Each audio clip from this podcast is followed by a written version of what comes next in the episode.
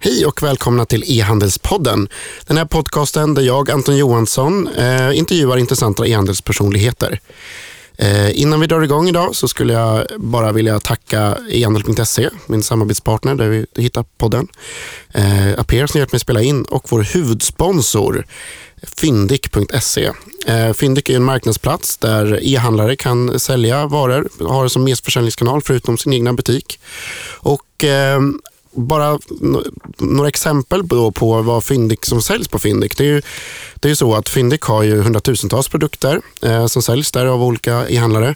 Och, eh, det går att sälja ganska mycket olika grejer. En av de största kategorierna eh, rent omsättningsmässigt är faktiskt eh, en sak som eh, möbler och utemöbler.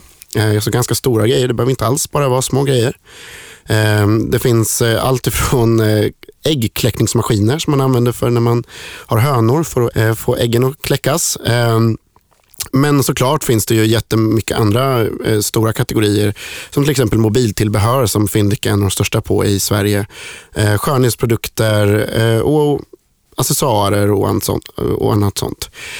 Um, och det finns till och med saker som båtar och sånt som säljs på Fyndik. Så det, det, finns en enorm bredd och Eh, nästan vad som helst som man säljer som handlare kan man sälja där. Så gå in på fyndik.se handlare om ni vill börja sälja eller testa det. Eh, och eh, idag har jag intervjuat grundarna av Peers som, som säljer motocrossprylar och motorcykeltillbehör över hela Europa. En makalös resa om hur de byggt sitt företag från noll till 300 miljoner plus i år som de säger. Så lyssna nu och njut.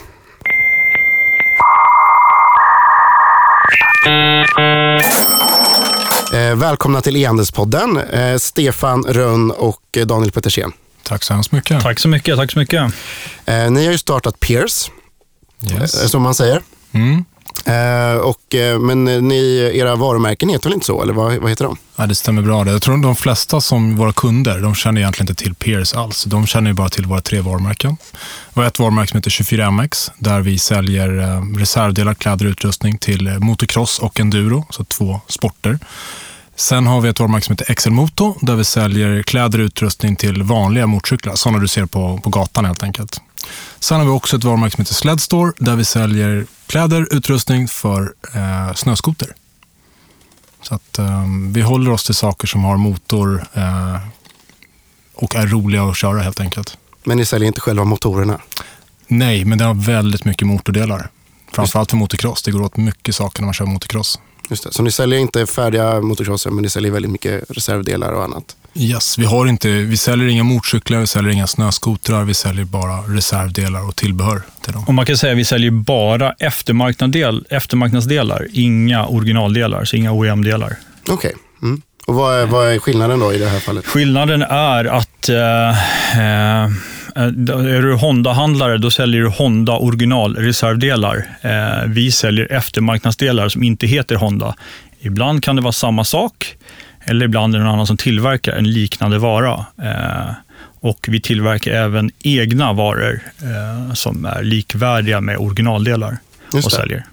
Så det, det, är, det är precis som när man köper bläckpatroner från HP. Ska man köpa originalet eller ska man köpa någon, ja. någon kompatibel helt enkelt? Ja, det kan man Och det är väldigt, om man jämför liksom med Mekonomen kan man säga, det är, de säljer icke original vad jag vet. Eh, då sätter de på sin Mekonomen bromsskiva eller vad det är. Och I vårt fall då så kanske de sätter på en 20 bromsskiva istället för en Honda bromsskiva. Mm. Sen kan det vara exakt samma, eh, men vi säljer ett annat varumärke. Det. det finns också en, en, en skillnad, tänkte vi jämför med Mekonomen, är att många gånger som används i idrott för tävling, så många av de var, varumärken vi säljer eh, som inriktar sig att egentligen vara bättre än vad originalprodukten är.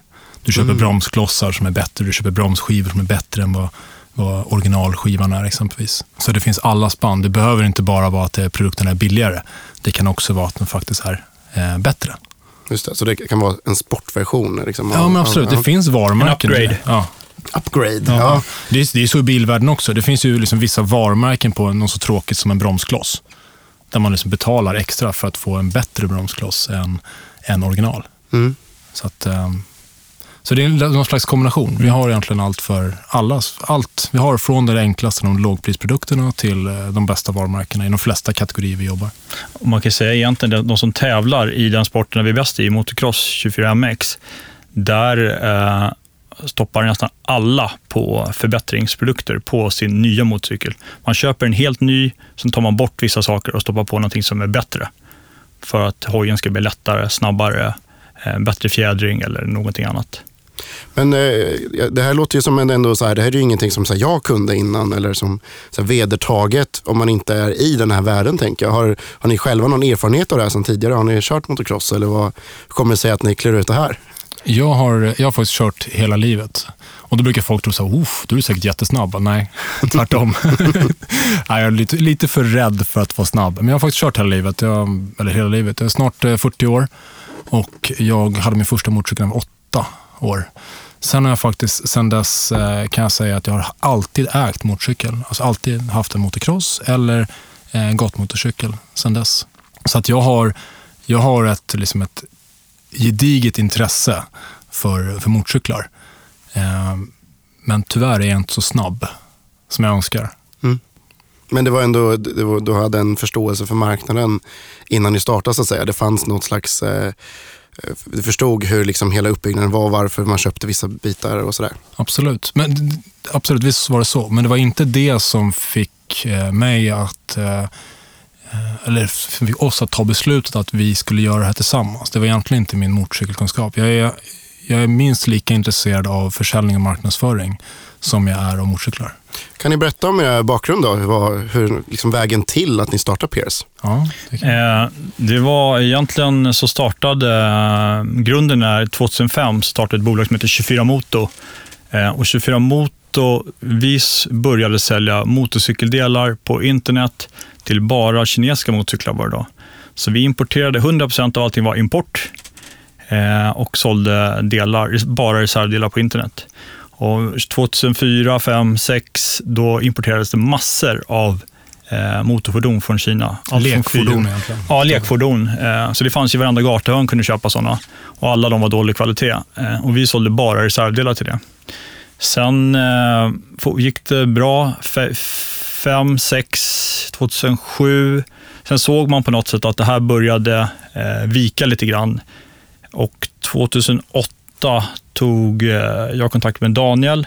Och vi har känt varandra i, ja, nu är det väl 20 år snart. Man kan nog säga 20 år. Ja, 20 år. Eh, och då diskuterade vi om att starta ett gemensamt bolag då, som skulle sälja motor, eh, delar för motocross på internet. Och när vi startade 2005, det var inte, e-handeln var inte så utbredd då. Eh, som det är nu. Eh, så det har hänt enormt mycket under tiden där. Vi tyckte vi gjorde jättebra på internet då. Vi hade kanaler i Asien där vi tillverkade grejer själva redan då. Eh, och då försökte vi applicera över det här på 24MX. Så under en tid så drev vi de här bolagen då parallellt, 24MX och 24 Motor. Och sen, eh, om det var år 2009, då, så slog vi ihop bolagen då, eh, och körde gemensamt allting.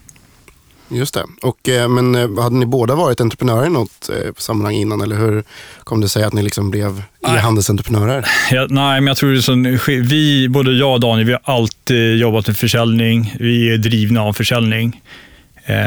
Så jag har jobbat med försäljning, marknadsföring, industriautomation och en helt annan bakgrund egentligen. Ingen e-handel alls. Men däremot hade jag en bekant som hade en webbyrå som byggde e-handelsplattformar och e-handelsshoppar på den tiden. Då. Ehm, så att han hjälpte att få igång det första egentligen. Just det. Och för dig då? Ja, det var väl, ehm, jag hade ju jobbat med försäljning, annonsförsäljning egentligen. Jag sålt annonser. Eh, faktiskt, en, det vågar man knappt säga nu, men eh, jag jobbade rätt många år på Eniro. Och efter det så var jag vd för ett bolag som sålde, också reklamfinansierade egentligen eh, olika tidningsproduktioner. Och sen så var jag med och startade det som folk känner som Reko Just det. Och uh, därefter så följde jag rakt in på det här egentligen. Det var Stefan som... Jag nog säga att jag såg inte... Jag tror inte att jag riktigt, när, när Stefan presenterade idén, såg att uh, det här kan bli liksom hur stort som helst. Utan det var mer så här, det här det kan vara kul att göra någonting annorlunda. Jag var fruktansvärt trött på att driva annonsförsäljning. Mm. Och så kände jag bara, men det här, det här kan vara kul. Vi ska ge det här en stund och se vad som går att göra av det. Ehm, och, ja, på den vägen är det. Men sen var det bolaget som jag hade, var, gick ju, det gick jättebra. Eh, gjorde bra vinst, vi gjorde, vi gjorde vinst från dag ett. Eh, och gick väldigt liksom, bra, så att vi hade ju ett bra startkapital också. Så egentligen återinvesterade hela den pengen som vi hade buffrat upp eh, i det här nya projektet. Då. Vi hade ju en, en, vi hade ju, I och med att Stefan hade ett bolag som snörde så hade vi redan, vi hade redan packbord, vi hade redan mm. lokaler, vi hade redan eh, lager. Så att, eh, på så sätt var det rätt lätt, lätt start. Mm. Men första delen, första halvåret, då gjorde jag, ja, dels så satt jag delvis i ett hörn i Stefans lokal. Så folk kom in i butiken och undrade, så här, för det var en del av butiken, jag satt vid ett skrivbord. Rätt kul story faktiskt. När jag skulle komma in första dagen, då hade Stefan eh, investerat. Han rollade ett gammalt meckbord som hade tre ben, så jag var tvungen att ställa det mot en vägg för att det inte skulle liksom falla ihop. Uh, men han hade i alla fall rollat det, så det var vitt. Men i och med att det inte. Fast, ja, högblankt. Färgen fastnade inte riktigt på bordet i och med att det var olja på det innan, så det fastnade på mina armar istället. Ja, så. så varje kväll när jag kom hem var jag tvungen att tvätta underarmarna. och så vit färg på underarmarna. Uh, jag var där och vid köksbordet uh, första halvåret när vi som byggde, uh, byggde upp hela mm. sortimentet. Just det. Och, och, och det, då eh, hade ni eh, liksom både befintliga leverantörskontakter ni kunde dra i direkt och så, här, så ni, ni hade liksom via det gamla bolaget och hade du en ganska, kickstart på många aspekter. Ja, men det kan man säga. Vi hade ju, dels hade vi den, vi importerade varor från USA, vi importerade från Kina, Taiwan, Thailand. Så att vi hade ju liksom en del av de leverantörer vi hade, hade även ett annat sortiment.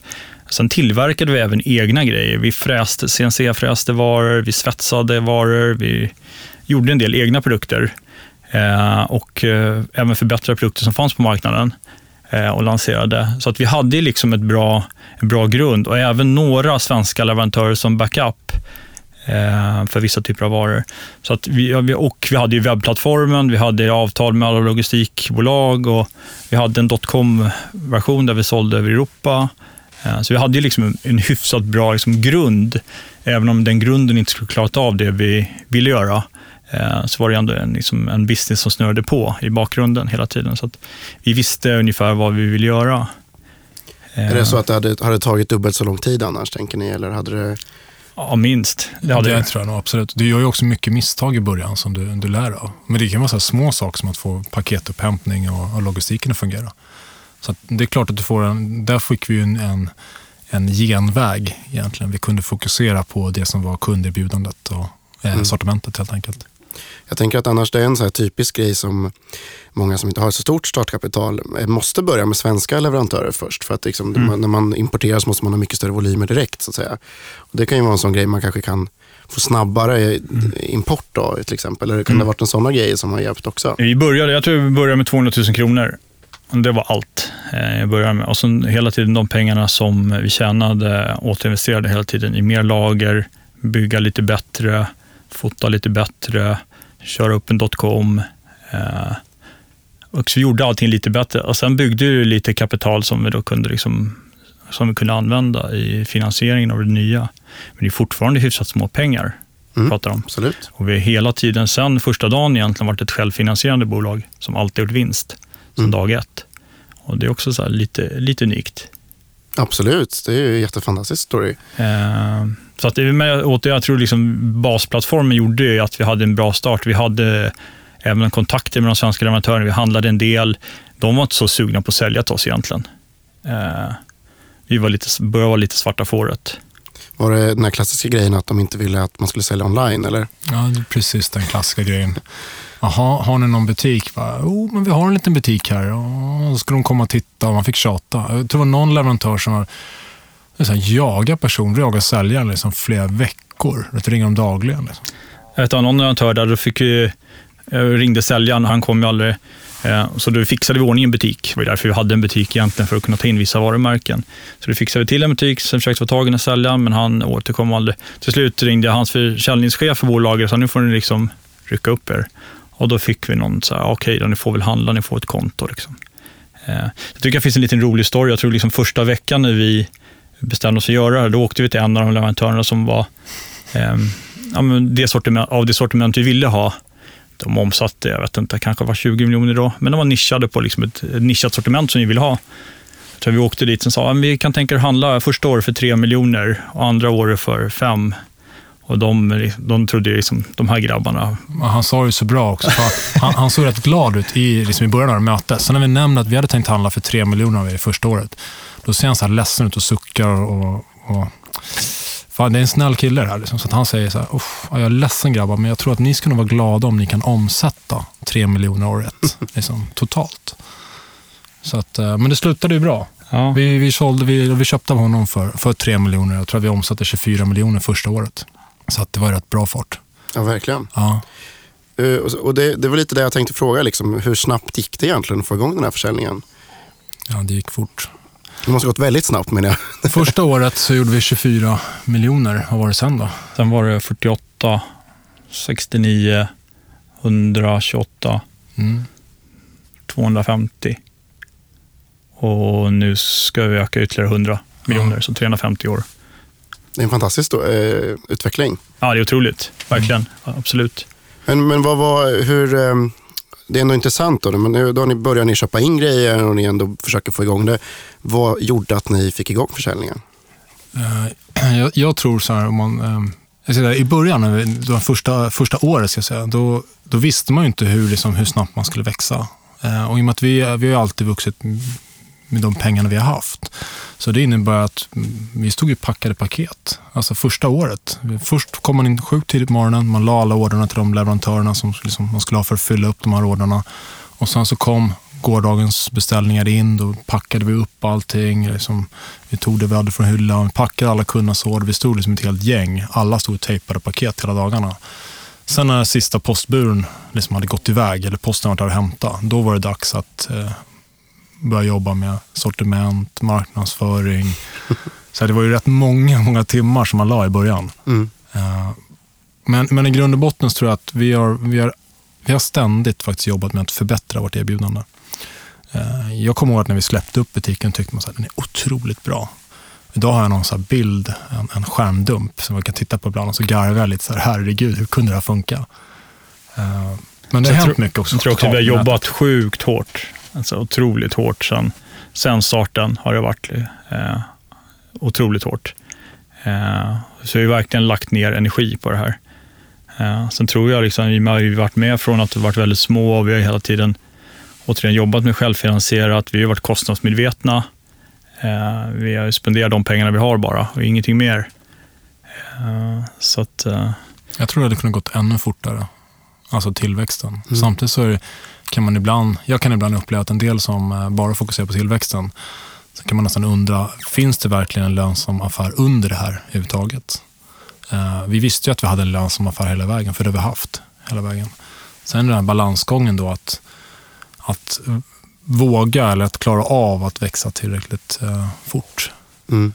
Så att, ja, det finns ju bara 24 timmar på ett dygn. Så men det måste ändå vara ganska skönt när, när det tar fart så snabbt. Att man, man måste få mycket självförtroende då, att fortsätta jobba så hårt och få det att funka. Jag tänker att det är mycket värre om man första halvåret lyckas sälja liksom, eh, få en order mm. per dag. Då, då, krävs det mycket mer för att man ska fortsätta. Men mm. om man börjar med tio order per dag efter bara två månader eller någonting. Ja. Då måste det kännas, göra er ännu mer pepp så att säga. Ja, men jag håller med. När bollen också rullar så hinner knappt, du hinner knappt reflektera på det. För det går ju så fort. Du har ju så otroligt mycket saker du måste göra bara för att ta hand om, om det som kommer in. Jag tror också du frågar varför eh, jag tror det gick så bra i början också. Vi kommer ju från en helt annan bransch. Vi är, jobba, är vana vid att jobba med försäljning, hård försäljning, jaga, göra affärer. Och vi kommer in i en bransch där eh, folk bara sitter hemma och väntar på att någon ska knacka på dörren och komma och köpa deras grejer som de troligtvis har i butiken. Eh, vi gjorde ju tvärtom. Vi tryckte ju på hårt, hårt med marknadsföring, aggressiva utåt, gjorde det bra. Eh, och då var det inte så många som var bra. Ja, nu börjar det liksom, ja, e-handel generellt har utvecklats så mycket, så nu är det så många som... Alltså tröskeln för att komma upp med, med en e-handelslösning som ser bra ut, den är ju väldigt låg idag. Mm. Jämfört med vad 2005 ja, till 2008, där, då fanns det, liksom, det fanns inga vettiga, färdiga plattformar utan vi, vi fick ju bygga allt från början. Mm. Men om man då tittar på några olika Brej då. Jag tänkte vi återkommer till det här lite sen. Men, men eh, som i början då, hur många produkter börjar ni att sälja med första månaderna? Ja, det här, man, ibland vet man knappt vad man ska berätta det. Men vi, vi öppnade då, det var ju, vi öppnade vad vi kallar för, vi, vi, vår slogan var Sveriges största crossbutik. Okej, det är bra början fall. oblygt. Eh, och när vi öppnade den första dagen, då hade vi två pallar med varor. Det var det, blandade varor som stod på två pall. Mm. Eh, däremot var ju sortimentet det var ju baserat på att eh, utöver de här två pallarna med varor så fanns det ju eh, leverantörer till oss som hade produkter som vi sålde. Och menar, från, från första början hade vi inte ens koll på om de hade de produkterna på lager. Vi visste ju bara att de fanns i deras sortiment. Så vart det ju att man fick eh, trolla fram de här produkterna. Kunden hade beställt den och då hoppades man att den fanns på leverantörens lager. Men så man kan säga att ni började ändå lite med att ha så här fejklager kan man säga. på. Det som att ni, ni visste att ni hade en leverantör som sålde den här, ni la upp dem Ja. och så hade ni en lite i lager bara. Ja, precis. Där, där i början så stod det stod egentligen inte att den fanns i lager. Det stod, det stod ingenting. Däremot gick det att köpa den, fast vi inte ens själva visste om den fanns i lager. Men jag vet inte vad Ja. sortimentet kan vara. Kan det ha varit några tusen artiklar kanske? Ja, jag tror det var 3 4 tusen artiklar där. Ja. Det är ändå ganska stark början ändå menar jag. Ja, men det, det tog ju rätt många, det tog rätt lång tid. Jag skrev ju liksom alla produktbeskrivningar själv, för leverantörerna de är ju vana med att sälja till butiker bara. De hade ju inga produktbeskrivningar på den tiden. Utan de, de hade inte ens, de hade inga bilder, eller knappt några bilder, inga produktbeskrivningar. Eh, Så jag, jag började med att skriva liksom alla produktbeskrivningar och alla produktbeskrivningar på engelska. eh, Direkt. Men jag tror ändå när vi lanserade, även om vi sa 3-4 tusen produkter, känns det extremt lite i dagsläget. Mm, Så uh, vi var ju ändå bäst när vi kom ut. mm. Ja, det var vi absolut. Ni var störst. Det var Ja, inte bara ja, Nej, det var, nej, det var störst. Jag vet inte om vi var störst i pengar dag ett var vi nog inte, men vi var i sortiment var vi störst. Mm. Det vill jag säga. Vilket gör den här klassiska e-handelsgrejen att det är en av de få grejerna man definitivt kan vara mycket bättre på online än, än en fysisk butik. Man kan vara störst. Mm. Eh, Det är en sån här typisk eh, unikt erbjudande direkt då, bara Mm. på den grejen. Men, eh, men det var mycket så att ni började med att ha här, ni hade väldigt mycket till försäljning men allt låg inte i lager. Det var så ni kunde hålla Ja, likviditeten funkande. Ja, stämmer. Ja. Sen, det tog inte så lång tid för oss att upptäcka att det här var ju väldigt jobbigt. Sälja saker som man inte kunde leverera, det är ju, det är ju mardrömmen. Det vill man absolut inte göra. Så det, i vår bransch var det helt nytt att vi sen då ville ha information från våra leverantörer vad de hade på lager. De hade inga såna här inköpsportaler Ja. som man med API. Nej, nej, nej, det fanns inte alls då. Och det, många gånger så var jag helt chockade. Kunde man kommer och presenterade att det här vill vi göra och de bara, aldrig. Vi kan ju inte berätta liksom för er vad vi har på lager. Nej, och nästa steg när vi kommer säga, jo men ni ska berätta för oss vad ni har på lager. Och det räcker inte. Sen ska vi publicera exakt lagersaldo på nätet. Vet, de höll ju på att trilla av stolen allihopa. De har aldrig hört något värre. tyckte man var hur fräck som helst. För det fanns ju inte, alltså då, det här var 2000, ja, 2009 Nio. så att säga. I, I vår bransch var det ingen som ens hade tänkt tanken. Mm. Ehm, Nej, och det, det är väl en, en eh, tyder ju på att ni hade en timing också i er lansering. Att jag tänker att Hem Elektronik till exempel gjorde väl den resan kanske några år tidigare. Mm. Att där, då hade alla inköpsportaler och man kunde så att säga, koppla upp sig och göra det. Ja. Webbhallen och In- In Warehouse, alla de här Ja. hade direkt koppling till de här. Men ni, ni var liksom pionjärer i branschen vilket gjorde att det var bara ni som orkade ta tag i de problemen kanske. Ja, men mycket så är det Absolut. Det, ja, det var... Att vara först ut, ibland är det ju bra. Det kan ju också vara väldigt, väldigt jobbigt. Eh, för du får ju liksom, du får bråka igenom allting. För det är ingen som tycker att ah, men det här är jättekul. Visa vad jag har på mitt lager. Ja, och det, fick, man, eh, fick vi en ombord, då var det lättare att få nummer två ombord. Och när två var ombord, då, då kunde vi säga att alla gjorde det. Så det måste de också göra om de ska få sälja. Eh, den enda nackdelen, om, om man ska säga en nackdel med det här, är ju att när du väl har fått leverantören att bygga sitt system, då erbjuder han det till alla. Just det. Eh, så då helt plötsligt så ser, kan alla eh, få lagersaldona. Och då har du inte fördelen längre. Eh, om, men för vår del var det ju bara en, en fördel att kunna bredda sortimentet. Eh, Hur många produkter har ni idag? Oh, jag vet faktiskt inte exakt hur många unika artiklar längre. 70 000 unika artiklar. På, på alla tre sajter? Ja, eller på precis. 24? På all, alla, Ja. tre, Mm. alla tre sajter. För, ni, för ni började med, med 24MX. Mm. Ja, det där är också en helt separat story. Vi började med 24MX och byggde vad vi ville ha som Sveriges största crossbutik. Och det var ju ambitionen hela tiden att vara bäst på motocross och enduro. Att liksom ta den nischen och borra ner sig rejält. Sen blir man ju lite hungrig när man då ser att våra leverantörer har reservdelar. De leverantörerna vi jobbade med, de hade ju reservdelar, tillbehör och kläder och utrustning för vanliga motorcyklar också. Och ingen gjorde det särskilt bra där heller. Då bara man så här, mm, då bör man helt plötsligt stoppa in det sortimentet också under varumärket 24MX då, som ska vara helt fokuserat på crossenduro. Då började vi helt plötsligt sälja motorcykeldelar där också. Och sen såg vi att de hade snöskoterdelar också. Ja, då började vi stoppa in snöskoterdelar också. Sen 2013, eller egentligen redan slutet av 2012, så började jag känna att ja, men det, här är att liksom, det här är ju att göra illa vårt varumärke. Det som är som grunden i, i 24MX. Att vara, vi vill att, man ska, att våra kunder ska uppleva att vi är absolut bäst i Europa, kanske i världen, på motocross och enduro. Då kan man inte hålla på med snöskoterdelar och motorcykeldelar och vad, nu, vad man nu hittar.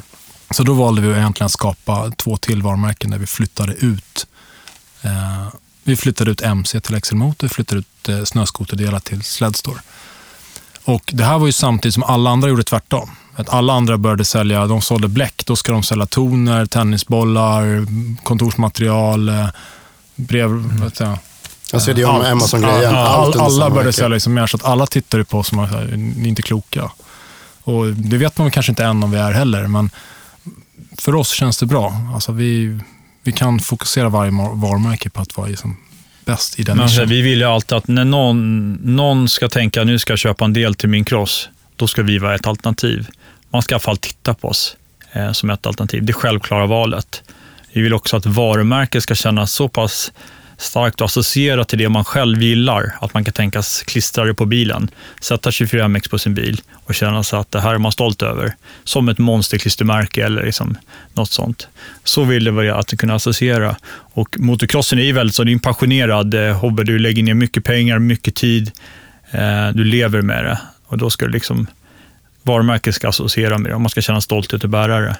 Och det kände vi inte när vi blandade ihop för mycket. Men I samband med det var det även att vi behövde bygga en ny webbplattform för att kunna klara eh, tillströmningen av nya kunder.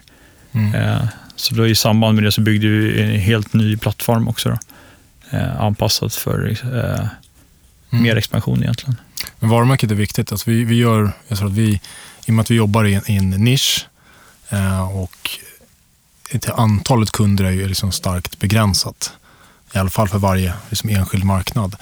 Då blir varumärket så viktigt och vad man associerar varumärket med. Vi gör, jag ska säga att vi är nog, jag kan, jag kan inte säga att vi är störst, men vi, vi är säkert också en av liksom, sportens största supportrar också. Vi stöder mängder med amatörtävlingar, amatörtävlingskupper. Vi stöder mängder med klubbar inom vår sport. Så vi gör väldigt mycket. Jag, säger att vi gör, jag tror i alla fall att vi gör mera offline-aktiviteter än vad många e-handlare gör. Mm. Uh, tittar man på vad vi spenderar våra pengar så tror de flesta, ah, ni e-handlare, ni lägger all, all marknadsföring på nätet. Nej, inte ens hälften. Mm. Vi är fortfarande väldigt mycket uh, uh, sponsring, närvaro på klubbar, stöder som sagt både tävlingsserier och uh, motocross och enduroklubbar. Lite kul, jag tänkte vara i Tyskland förra veckan. Då var vi nere på eh, träffa en person i branschen. Då frågade han, liksom, 24MX, hur, hur känt är det? Liksom? Ser man det ute? Då sa han, man ser, alla ser det. 100 procent av gångerna man är på en bana så ser man det. Och Det är fysiskt på någon liten bana någonstans i Tyskland. Eh, och Det är rätt otroligt egentligen. Vi sitter här i Sverige och man ser det på gräsrotsnivå. Eh, att det sitter banderoller uppe, det är flaggor och det är... Mm. Eh, och det är så det är, nära, sätt... det är nära sporten. Precis, men det handlar ju också om den här att verkligen våga hålla sin nisch kanske. Mm. Men jag, jag tycker det där är väl en intressant grej också, att just att ni började bredda och ha allt under ett och samma och sen så dela upp det. Men, för det är inte alls säkert att de som kör motocross även tycker om att köra skoter, tänker jag. Nej. Eller motorcykel. Det, det, är väl inte riktigt samma community egentligen som ni... Nej. Nej. Alltså, det är klart att det finns liksom lite överlapp mellan motocross och snöskoter, mellan MC och snöskoter, absolut. Men i grund och botten så, så, så behöver inte... Jag tror inte att majoriteten är inte överlappet. Det, det, finns ett överlapp. Nej, men jag tänker att det, det är så här typisk grej att man tänker att bara för att leverantören har båda, eller den, de här märkena har de här eh, målgrupperna. Ja, det är klart att om de gör på handskar så kan de göra det till tre olika sporter mm. med bara små mm. modifieringar. Men det är inte alls säkert att liksom kunderna behöver känna den associationen mellan de här tre grejerna. Jag tänker att det är så inom många branscher att mm. man, man, liksom, man tar liksom, tillverkarnas världsbild, mm. inte kundernas världsbild när man börjar sälja. Det tror jag också. Jag tror gemensamt för de, våra tre målgrupper, det, det är tre, det, är det tror jag är mycket passion. Alltså våra motocross-endur, den publiken är väldigt eh, passionerade. Det är samma som med snöskoter, det är väldigt många som brinner för att liksom, man längtar tills snön kommer så man ska få ut och åka snöskoter. Eh, och samma sak med MC. Men det, är, det är inte så många som liksom ser det som ett rent nyttofordon. Det är klart det finns de också som ska ha det från A till B, det är smidigast. Men eh, de flesta av våra kunder, för dem är det ju någonting som, eh, som är liksom associerat mer till avkoppling eller, eller, eller någon slags upplevelse. Kan även vara action kanske, att man vill ha att det mm. ska gå undan. Jag tänker också att det, det som kännetecknar dem lite grann, särskilt kanske motorcykel eller motocross, men även snöskotrar, är ju att det, det, är ganska definierbara målgrupper också. Mm. Alltså det, det, det, måste vara ganska så här, ni, ni, måste ha ganska bra koll på vilka de här är i Sverige nu till exempel. Mm. Ja, men det är tacksamt på det sättet. Det, det är väldigt tacksamt. Sen är det tacksamt att det är hyfsat likt hela Europa. Det är samma varumärken, på motocrossen i alla fall, det är samma varumärken i hela Europa mm. i stort sett. Det är några som är starkare och svagare på vissa ställen. Och liksom sporten är uppbyggd på liknande sätt hela, hela Europa. Eh, så det, och kunden är en lik, lik, liknande person. Eh, ofta inte en, liksom, en som bor mitt inne i city, utan man kanske bor lite längre ut och så sätt passar e-handeln också väldigt bra. Berätta, vem är kunden då i, till de tre olika varumärkena? Alltså, om man, Average Joe. Average Joe. alltså, kör man motocross endur, det är klart att det, finns, eh, att det finns olika människor. Men man kan säga en sak i alla fall. Man, man är oftast händig utifrån att det är en otroligt tuff, det är en tuff sport både för, för liksom människa men också för maskin. De får väldigt mycket stryk hojarna. Så att eh, alla, alla våra kunder, om man generaliserar, kan ju mecka. Eller har en pappa som kan mecka åt dem. Och är lite eh, hårda. Ja, de är lite hårda för man får inte vara rädd. För att det, ja, du kan ju vara rädd, men du kommer ju trilla och slå dig. Frågan är bara hur mycket du trillar och slår dig. Okay. Eh, så att du måste vara rätt, liksom, rätt hård. Eh, och du måste också ha tillgång till någon, liksom, på något sätt flytta hojen. Eh, kanske ett garage, men i alla fall att kunna transportera hojen till banan. Och du måste kunna mecka. Så att om man generaliserar så kanske det hantverksyrken är liksom övervägande. Kunden jobbar med någonting praktiskt. Han, är liksom, han kan lösa saker själv. Eh, det är motocrosskunden. MC-kunden ska jag säga kanske mer lik en bilkund. Alltså man, man, eh, en stor del kanske på äldre motorcyklar servar man själv, nyare motorcyklar lämnar in på verkstaden. Så det är en stor skillnad. Är... En motocross lämnar du aldrig på verkstaden stort sett? Nej, då ska det ha hänt någonting Den lagar du själv? Du mm. kanske lämnar in den för att få liksom, eh, uppgradera fjädringen eller mm. det kan vara no vissa typer av arbeten. Men det mesta gör du själv. Är det så också att motocross, det är mycket liksom yngre som kör? Eh, eller liksom mycket så här, jag tänker att de här serierna man ser, det är, liksom, det är inte 60-plussare kanske på de flesta motocross-serierna. Eller hur? Jag tänker medan mot motorcykel, eh, jag tänker de flesta jag ser som kör motorcykel och stannar på ett café, liksom, mm. de, de är ju inte 22 utan ofta liksom Nej, 35 det, kanske. Ja, det har hänt en del där sen sista åren. Ja, men det skiljer ju verkligen på motocrossen och eh, motocross enduro och eh, onroad MC. Alltså motocross, då kan det vara yngre Mm. Eh, lite hårdare. Då kör du på bana, mm. hoppar, sprutar lera.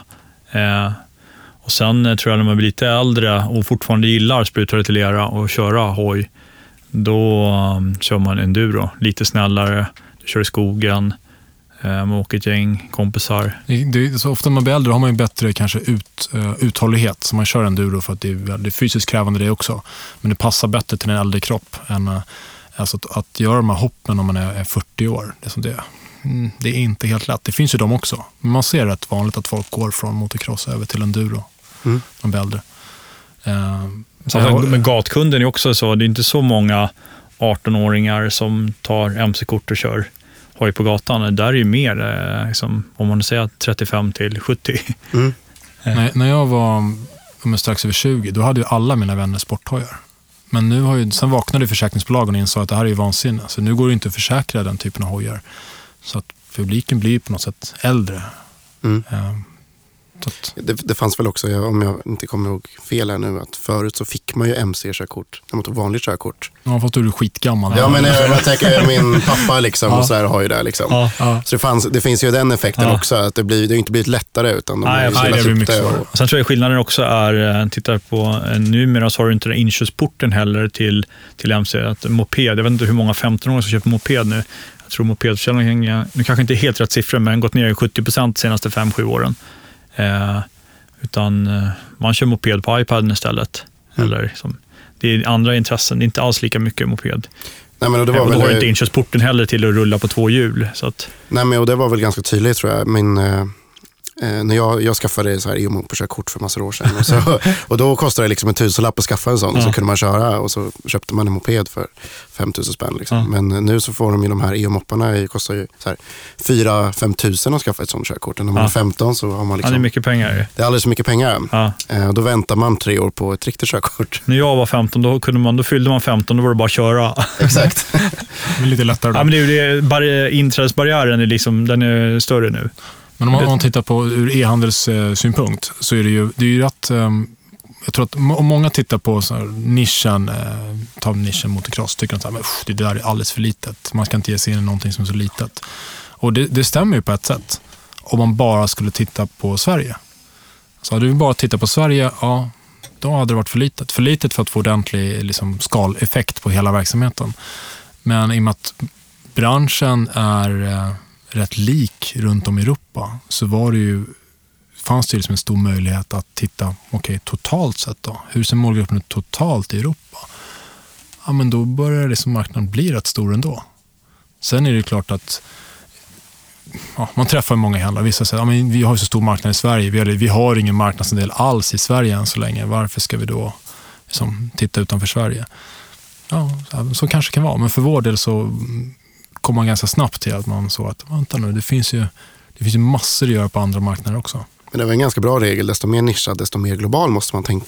Mm. Globalt måste man tänka. Ja, Absolut. absolut. Och desto mindre hemmamarknad man börjar med också, desto mer måste man tänka globalt tidigt Du är kanske. snabbt tvingad. Ja. Men det är, rätt, ja, det är också intressant. Vi träffar många eh, ja, branschkollegor, det kan vara leverantörer, det kan vara konkurrenter. Och det är rätt tydligt också, kommer man från länder där man inte kanske har, eh, där man har en stor hemmamarknad och man kanske har ett stort språkhinder, typ fransmän, eh, tyskar. De har ju lite tuffare att ta sig utanför Mm. sina gränser. Så kan man ju säga så här, ja, men de kanske inte behöver det för de har så stor marknad ändå. Ja, absolut. Men ehm, det är skillnad. Jag tror vi svenskar är blir mycket lite... öppnare. Ja, vi är mycket mer... Liksom, En av våra fördelar kanske. ja, men Ja, en av våra fördelar. Verkligen. Och sen tror jag, eh, som svensk har varit ute och rest mycket. De flesta är hyfsat språkbegåvade. Eh, så att eh, jag tror inte man är inte lika rädd för att prata med folk i andra länder Mm. eh, och titta på andra marknader. Bara Ja. en sån liksom, kulturgrej tror jag gör jättemycket. Ja, det tror jag. Det kan också om att göra med hierarki tror jag, på företag. Man, det, många gånger så, som svensk är man, inte, man kanske inte bryr sig så mycket om vad någon har för titel. Utan man ringer upp den personen man tror fattar beslut och så ja- jagar man rätt. jagar man på den personen. Man, det spelar ingen roll om han är är ägare, grundare eller om, vad han har för titel. Man väntar inte på att få tag på den här exportchefen. Utan man, Det är lite annorlunda i Tyskland och UK. Mm. Och så här, det, man, det är titlar och liksom, det ska vara ett lokalt nummer och man ska Mm. skriva Sir. Och, ja, ja, precis. Ja. Det har jag inte ens förstått. Vad kör rakt på? ja, men det är verkligen artighetsgrejer Ja. eh, grejer som, Ja. man, som är helt annorlunda. Ja. ja, men det märker man också. Vi har ju, en, ehm, vi har ju rätt många nationaliteter på vårt företag. Då blir det lite att man får förklara för, för folk. Ja, men I Sverige så är det som om, om, du pratar med din kollega och jag kommer fram, ja, men då väntar jag tills ni är klara. Medan de tror att det ska vara som i Frankrike, att de bara ska tystna. Och så här, ja, nu är chefen här, då måste jag vara tyst. Han kanske vill säga någonting. Ja, nej, vänta nu. Du får fortsätta prata. Men eh, ehm, jag tänkte vi kunde prata om några olika delar av liksom hur ni har lyckats med de olika bitarna. Om man, om man börjar då med eh, hur ni eh, lyckas nå kunderna. Då. Ni sa att ni började liksom marknadsföra ganska tidigt ändå och trycka på där. Och, så där. Vad, eh, och ni pratade lite om offline och så där, men hur, hur, dels hur ni gjorde i början för att få liksom de, ja, första året att lyfta, men även nu. Hur, hur, har ni, hur ser er marknadsmix ut? Jag säger att vi har ju, det finns ju inte så jättemycket eh, tidningsmedia. Det finns ju liksom eh, motorcykeltidningar och även någon tidning som är fokuserad på motocross. Och där finns vi givetvis med. Traditionellt Man kan print. säga det, jag tror att eh, skillnaden mot oss och, och traditionell e-handel, är att vi är fortfarande mycket på gräsrotsnivå och eh, i, fortfarande i print. Mm. Vi finns med i dem eh, som nischmedia, för även om de är, är rätt små så är målgruppen är ju verkligen det är kärnmålgruppen som, som läser. Så att för vår del fungerar det. Däremot skulle jag inte, jag skulle aldrig köpa liksom en, en annons i Aftonbladet. Det är för liten del av deras läsare som jag, jag vill nå. Vi, givetvis gör vi det som alla andra e-handlare gör. Vi kör liksom eh, traditionell retargeting, vi kör AdWords, vi kanske kör lite banners på vissa sajter. Eh, så det här som alla gör.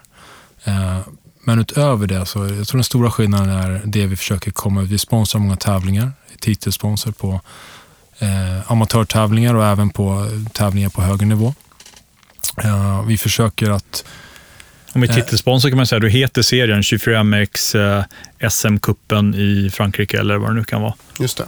Eh, Sen utöver det så har vi också valt att ta fram en del produkter som man använder på banan. Eh, där vi har satt liksom, butikens varumärke på. Där det står 24MX. Det kan vara allt från väskor till tält. Eh, sånt som människor använder. Det kan vara spännband för att spänna fast motorcykeln på, i bilen eller på, eh, på släpet. Så den typen av produkter har också försökt att få att det ska bära varumärket. En del också tycker jag med, som eh, kanske inte så vanligt för e-handlare, vi, att vi är med titelsponsor på ett eh, GP-team, ett VM-team då, som kör i, i serien och eh, åker runt på alla VM-tävlingar i hela eh, jorden. Är det. Eh, Och vi får feedback och använder social media som marknadsföring och återkopplar egentligen till varumärket. Att vi verkligen är i toppgänget eh, och syns också. Och det tror jag leverantörsmässigt också är jättebra, att vårt varumärke syns bland toppförarna i, i världen. Just det. Sen ska jag säga, om man tar på, på europeisk bas, så liksom, vad det gäller den här nischmedia, så ja, där print dominerar vi jämfört med alla våra konkurrenter. Jag tror jag hade 1200 helsidesannonser förra, förra året i liksom, motocross-tidningar Mm. eh, ute i Europa. Så att, eh, mm, jag tror, många blir förvånade hur mycket vi gör liksom, som inte är eh, Men jag tänker att en fördel ändå i er, era nischer är att, eh, kanske inte på snöskoter nödvändigtvis riktigt lika mycket, men framförallt inom motocross och sådär, att det finns communityn, alltså köparna samlas kring de här tävlingarna mycket och samlas kring de här eventsen för att det är en så stor del av själva eh, intresset. Mm. Att faktiskt få åka dit och köra eller kolla på och sådär. Medan eh, skulle man sälja så här eh, fiskeprylar, då kanske inte finns riktigt lika många där alla som har intresset, utan folk sitter själva och gör det. Då skulle man ha mycket svårare nu, tänker jag kanske. Ja, men jag håller verkligen med dig. Alltså, motocross och enduro, men människor åker ut de mycket. Eh, man kanske bor i husvagn eller, eller husbil på plats. Man, man kör en hel dag och så väntar man på morgondagens tävling. Då grillar man på kvällen, man pratar med varandra. Så du har ju, på så sätt har du, är det tacksamt. Människor kommunicerar. Så att, det är tacksamt att de gör det med varandra. Sen så ställer det också högre krav på att du gör ett bra jobb. Mm. Gör du inte ett bra jobb, ja, då sprids det ju väldigt, väldigt fort. Ja, precis. Så att, Det, det är ju, men så är det ju alltid, det spelar ingen roll vad man gör kanske. Ja, jo, så är det. Det finns ju kanske ännu fler möjligheter idag också än vad det gjorde. Idag, alltså det har ju hänt saker på alla områden sedan 2009, som vi började. Mm. Man- Det är, det är inte så länge sedan, men ibland känns det som det är länge, länge sedan. Men nu i de marknaderna ni är liksom mest etablerade, där måste ni också byggt upp en ganska stor kundkrets som en stor del av marknaden också, som i Sverige. Eller sådär. Att, liksom, är det era e-postlistor och sånt som drar mycket försäljning nu? Ja, absolut. Det är en jätteviktig kanal. Visst är det det. Så ni är, ni är en, en av samlingspunkterna för communityt kan man säga. Ja, eh, ja, spammar alla med olika erbjudanden. ja, men, ja, men det där är en utmaning i sig. Att ha liksom en vettig kommunikation via e-post. Mm. Jag tror Men- att vi har, en, vi har nog en hel del kvar att göra där. Jag tycker det är kul ändå, den modellen vi satt upp ändå för, eh, som vi har lärt oss här i Sverige, Skandinavien eh, och att vi har rullat ut typ samma modell i andra länder. Eh, och det har ju funkat verkligen bra. Eh, nu har vi gjort det 14 gånger, eh, så att det är klart blir bättre och bättre för varje gång och vi vet var vi ska stoppa pengarna. Men det har verkligen fungerat bra. och Det, Jag kan ta exempel med Italien. Här. I december nu förra året så lanserade vi Italien. Och det var vårt bästa lansering hittills. Det är, inte vår största marknad än, men det är den vi har växt snabbast på. Så man, man har på något sätt lärt sig eh, efter alla de här gångerna vad man ska göra och vad man inte ska göra. Mm. Eh, Så att, ja, men det känns riktigt bra. Där, hade vi ju, eh, där gjorde vi ett samarbete med eh, en världsmästare i motocross. Han har varit världsmästare åtta år i rad så att, och han är ju super, superstjärna i Italien. Eh, och jag tror att alla i vår, alla i vår sport eh, vet ju vem det är. Men fick han att vara liksom frontman, att vara ansiktet för vårt varumärke. Och det är någonting jag tror man kan, kan ta med sig. Kan man få en, en person som människor känner igen att vara frontfigur? För e-handel är ju väldigt anonymt annars. mm. Det är väldigt, väldigt anonymt. Mm. Och får du ett ansikte, en helt annan trovärdighet. Eh, Så att det är någonting som vi, vi har gjort det tidigare på några marknader, inte alla. Men i det här fallet så gjordes det riktigt, riktigt bra. Det jag man kan känna sig rätt stolt när man ser världsmästaren står med en t-shirt står 24MX på med loggan som vi har ritat hemma. Precis, den har ni inte bytt på de här åren? Nej, vi var tvungna att modifiera den lite på grund av lite varumärkesgrejer. Okay. Men den, har blivit, den har fått någon ring runt sig. Innan var det bara ett huvud, men den fick en ring runt och lite skuggor. Och fick byta färg. Och fick byta färg lite grann också. Ja. Och hur, hur, de här tre varumärkena då, liksom, är det någon skillnad på när ni marknadsför de här tre? Eller, jag tänker att det, inte, det är klart det finns snöskotertävlingar med, men inte riktigt lika många kanske? Ja, men det stämmer. Det, det, det är stor skillnad. Det är absolut det. Sen är det, motocrossen är mer uppbyggt kring tävlingar. Vad det gäller snöskoter så är det fortfarande så att vi, vi lägger kanske fortfarande mest pengar i print. Snöskotertidningar är en stor del. Då når du de som verkligen, verkligen är intresserade. Därefter är det ju rätt svårt. Då blir det mycket online-annonsering. Eh, även där börjar vi få en hyfsad kundbas. Som man kan ja, jobba med. Mycket direktutskick. Vi också köper register och sånt. Ja, mm. Trycker kataloger och skickar helt enkelt. Eller ja, inte kataloger kanske överdrivet, ja. men kanske skickar prospekt. Liksom. prospekt liksom, 24 mm. sidor. Som vi gör. Så att, men sen är det skillnad. Vi har ju um, två av våra varumärken, 24MX och XL Motor, finns ju på, de finns på 14 marknader. Då. Eh, Medan Sledstore finns av naturliga skäl inte i Italien och Spanien, utan de finns ju i Sverige, Norge och Finland. Men även när det gäller XL Motor så har vi egentligen bara marknadsfört det i Sverige, Norge och Finland än så länge. Så där är vi, det är det varumärket vi jobbar mest med nu. Eh, I år har vi dubblerat försäljningen från tidigare år. Så att, eh, är det den som egentligen har störst marknad också? Eller? Ja, absolut. Ja. Den marknaden är väl, ja, lite beroende på vad man räknar, men jag skulle tro att den är mellan, mellan 7 till 10 gånger större. Mm. Om det räcker. Man kan säga skillnaden också, tittar man på motocross, motocross är ett oregistrerat fordon. Du vet ju inte vem som äger den. Det finns inget registrerat någonstans. En motorcykel som kör på gatan och en snöskoter är registrerad, vilket innebär att det finns register eh, på folk, vem som äger den. Eh, så är, det en sån kund kan du hitta, den som har registrerat fordon. Då kan du köpa register om man vill.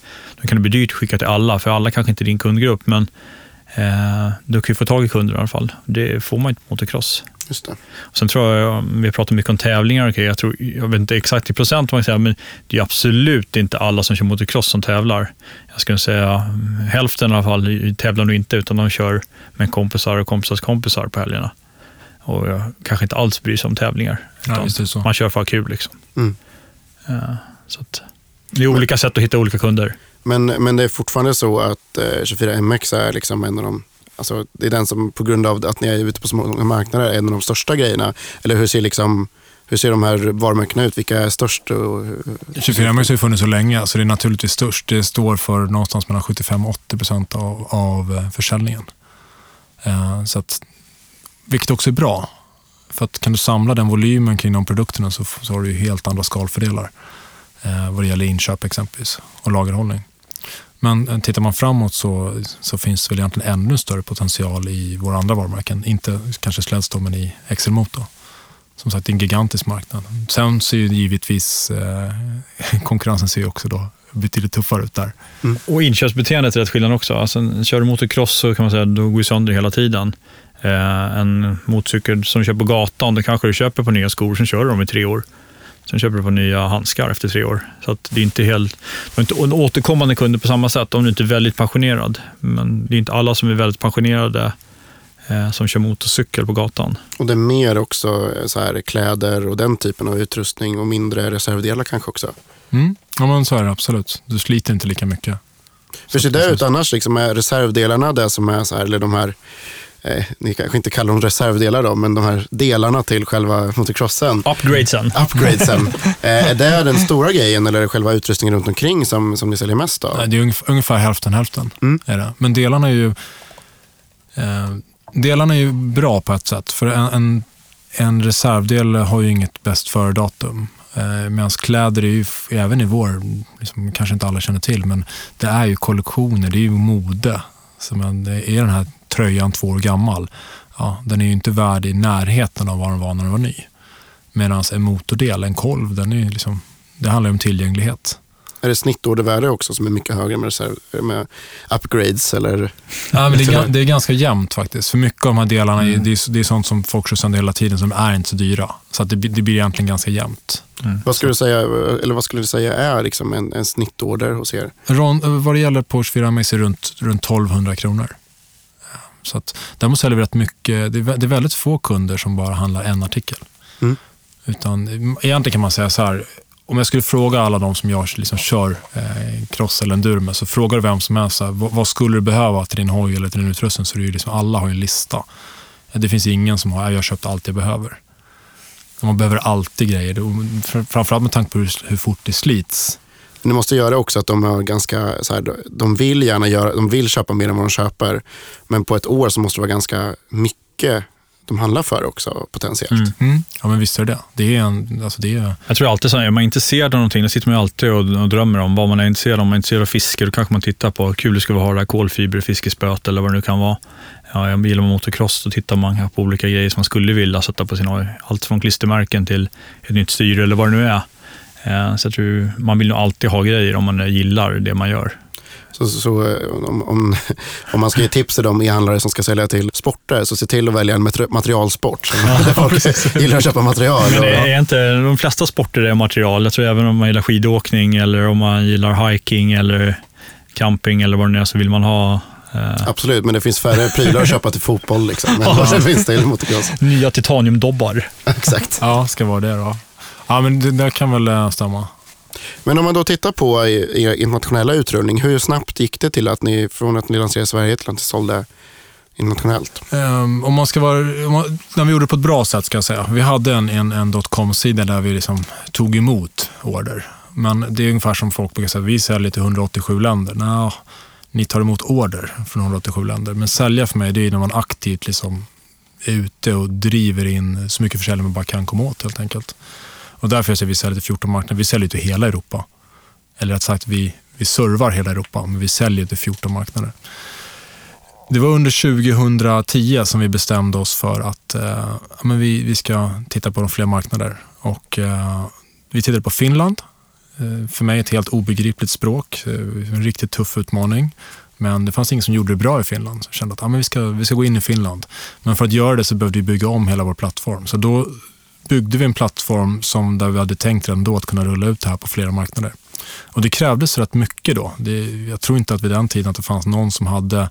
Det fanns ingen färdig lösning att köpa. Det fanns definitivt ingen färdig lösning som kunde erbjuda det vi ville gällande funktioner kring det här. Så att det tog en stund att bygga den här plattformen. Så att under, Byggde ni själva då? Eller vi, bygg, vi byggde själva från scratch? Liksom? från scratch. Ja. Så att um, under 2011, om jag minns rätt, Mm, februari 2011, så uh, lanserade vi i Finland. Finlands största crossbutik. Ja, dag ett. ja, men det gick, eh, det gick, och det gick riktigt bra. Men det var ju samma, den lanseringen var också rätt bra, för då tog vi den som var stjärnan i Finland, hade vi som frontfigur där också. Så han stod med, höll, ett 24MX-paket på, Ja. i famnen och det var hans, hans ansikte på Facebook. Och, eh, Så det, gick, eh, det var flygande start direkt? ja, men det var faktiskt riktigt bra. Jag kommer ihåg sen, efter det tror jag var Norge. Vi hade, också, vi hade massor med, med norrmän som var, de var vänliga nog att beställa på vår svenska sajt. Men det var hur jobbigt som helst att skicka paketen till Norge med tull och hantering och allting. Så det var faktiskt så att i början, jag kommer ihåg att vi övervägde, så här, ska vi hålla på med Norge? Det var bara strul varenda order. Så här. Hur, stor, är det här, liksom, hur stor är den här nischen i Norge egentligen? Eller ska vi gå på andra länder? Samtidigt kändes det fel att, liksom, att inte serva. Det finns bevisligen kunder där. Så vi valde att göra Norge, även om just vid det tillfället var vi lite tveksamma. För det är ju det är rätt, det är lite bökigt. I alla fall första gången. Mm. Eh, och det var ju riktigt tur. Norge är ju liksom, det är en, de är, de är bra e-handelskunder. Mm. De är, nu är vi störst i Norge. ja, definitivt. ja, men norrmännen är ju bra. De är, de är, de är duktiga på att handla, på e-handla. Snittorderkorgen är också högre i Norge. Jag vet inte exakta siffror, men Ja, det, är, det är högre orderkorgar i Norge. Ja, och så lite ordning och reda och liksom, ja, Ja. ja det är bra att göra med. Mogna e-handelskunder kanske? Ja, men verkligen. verkligen.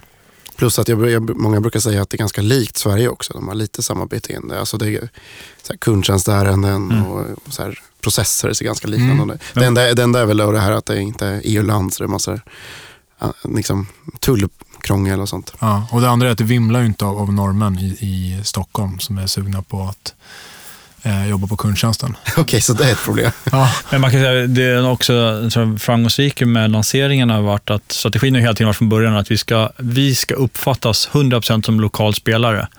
Vilket innebär att alltid när vi sätter upp nya länder är vi momsregistrerade.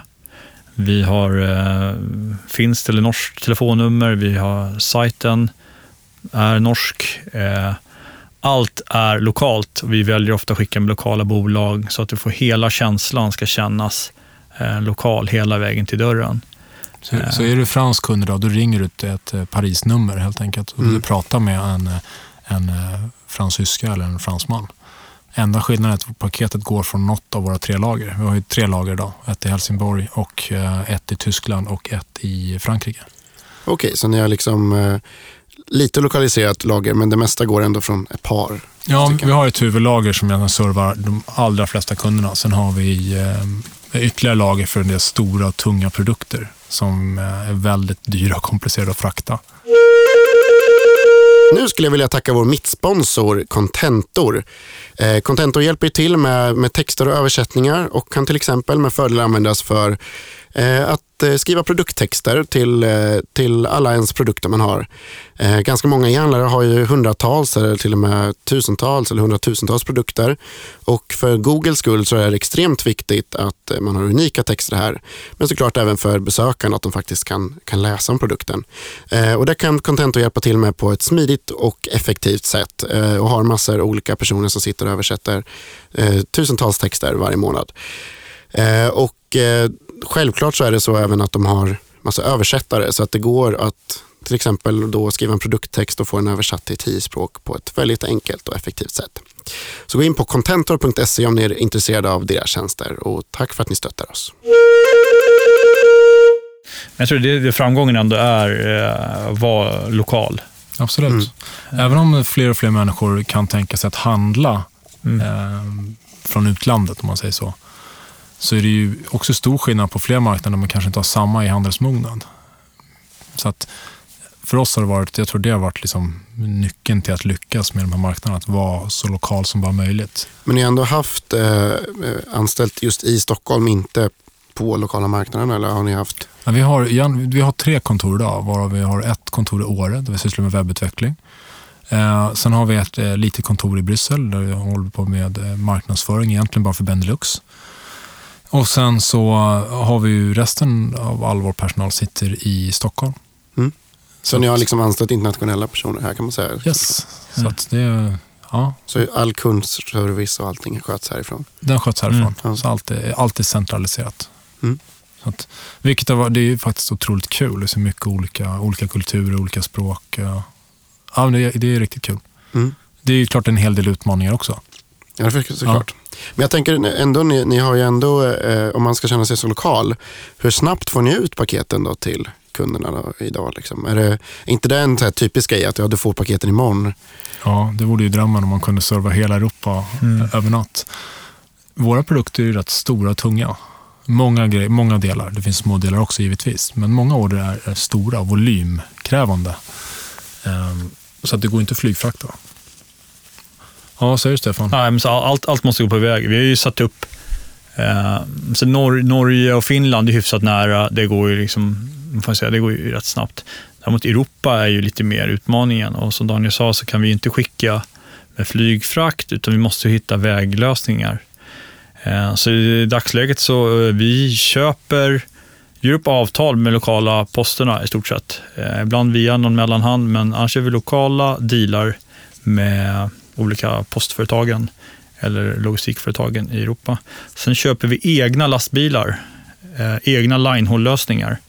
Så till exempel kör vi, vi kör två fulla tradare eh, ner i Europa eh, varje dag eh, till olika destinationer och droppar av paketen på olika postterminaler. Så det finns liksom ingen som gör det tillräckligt bra så ni måste helt enkelt fixa egna? Ja, men faktiskt är det lite, alltså det finns de som levererar paket till, till kund. Det finns ju liksom massa olika fraktbolag som gör. Men ofta ska de in på olika sorteringsterminaler, olika hubbar, sortera vidare, vilket innebär att det blir lite fördröjningar. Så vi har valt att köra, eh, vi kör till exempel till Lille. Då kör vi direktbilar med två chaufförer som kör hela dygnet. Lill ligger i Frankrike för de som inte vet. Ja. Det kan vara. Eh, ja, då kör vi med två chaufförer och kör 24 timmar Mm. eh, ner. Och sen droppar vi av på lite olika hubbar på vägen. Eh, så att egna line-lösningar vi kör. Men det har ju tagit eh, ett tag att komma dit. Vi har ju... Nu när vi har volymer, då kan man göra saker. I början är det svårare. Då har vi haft andra lösningar tidigare. Eh, men nu känner vi oss, vi känner oss hyfsat, liksom, vi känner oss att eh, transportlösningarna är nu, jag säger att de är bra. Sen har ju nackdelen ändå att även om det är från södra Sverige till Italien, det, om den ska åka på vägen så tar det ju tid. Eh, Hur lång tid brukar det ta i snitt då, skulle ni säga? Igen, vi kör ju på, som sagt, kör vi till Frankrike, eh, då är den ju dagen efter i Frankrike. Och sen, eh, jag skulle säga två dagar till Frankrike innan kunden har den. Två till tre dagar. Mm. Och då är vi ungefär lika bra som några andra. Vi kanske är en dag sämre än de lokala spelarna. Det är inte, man, man, klart man drömmer om att kunna leverera dagen efter eller liksom, oh, samma dag. Men det är också helt omöjligt för det, går inte, det skulle inte gå... Eh, det är inte så stor volym att man skulle kunna ha lagerhålla hela sortimentet på flera platser. Det skulle bli alldeles för dyrt. Mm. Eh, så det kräver att man hittar en bra eh, central lösning. Men det låter ändå som en väldigt, eh, att ni fått jobba väldigt mycket med logistiken för att få ut grejerna till kund. Logistiken har varit en jättegrej och det är fortfarande liksom en jättegrej hela, hela tiden. För att dels växer vi olika mycket på olika marknader, du behöver ändra logistiken, byta fraktbolag. Vi håller på hela, hela tiden med logistiken. Däremot tycker vi att vi har fått upp liksom apparaten bra. Om du tar transportdelen, eh, tycker jag att vi har kommit ja. väldigt långt. Ja. Men hur funkar det då ut mot kund? Får de eh, hemleverans om det är stora grejer eller hur funkar det? Det beror helt på vilken marknad det är. På vissa mm. marknader så är det standard. Folk förväntar sig att få hem det. På andra marknader mm. så, så vill man ha till utlämningsställe. Så det, det, är helt beroende på vilken marknad och vad man har för, för traditioner där. Så i Sverige så får man den här stora eh, reservdelen eller upgraden till, till ICA. till Ica, ja. Dit, ja. Ja, är den stor, ja, precis. Eh, vissa grejer, är den stora över vissa mått och över vissa kilo så kommer den faktiskt hem till dörren numera med posten. Mm. Eh, annars är det vanliga paket kommer ju till ditt utlämningsställe. Men i Europa, så i många länder, Tyskland är det hemleverans, Frankrike kör hemleverans nu, Italien hemleverans då är det till dörren för att kunderna förväntar sig det. Men det, måste vara ex, det här måste äta upp extremt mycket marginal. Alltså det måste vara, ni måste ha ganska höga logistikkostnader mm. per produkt. Liksom. Ja, mm. det har vi verkligen. Ja. Eh, eh, nej, men det, det Får ni stort. ihop den ekonomin på något sätt? Ja, det är en bra fråga. Bättre, bättre volymer förstår jag, men, alltså, ja. men det finns ändå... Ja, vi, vi, har ju, vi har ju stora volymer. Vi är nog en av eh, en av, de, en av de största ändå i Europa inom vår nisch, så att vi har ju rätt bra buying power på inköp och vi måste ha liksom, de marginalerna för att kunna köra den här hela logistikapparaten. Och sen är det ju rätt otympliga saker. Eh, så att paketen blir stora, det är lite krångligare hantering.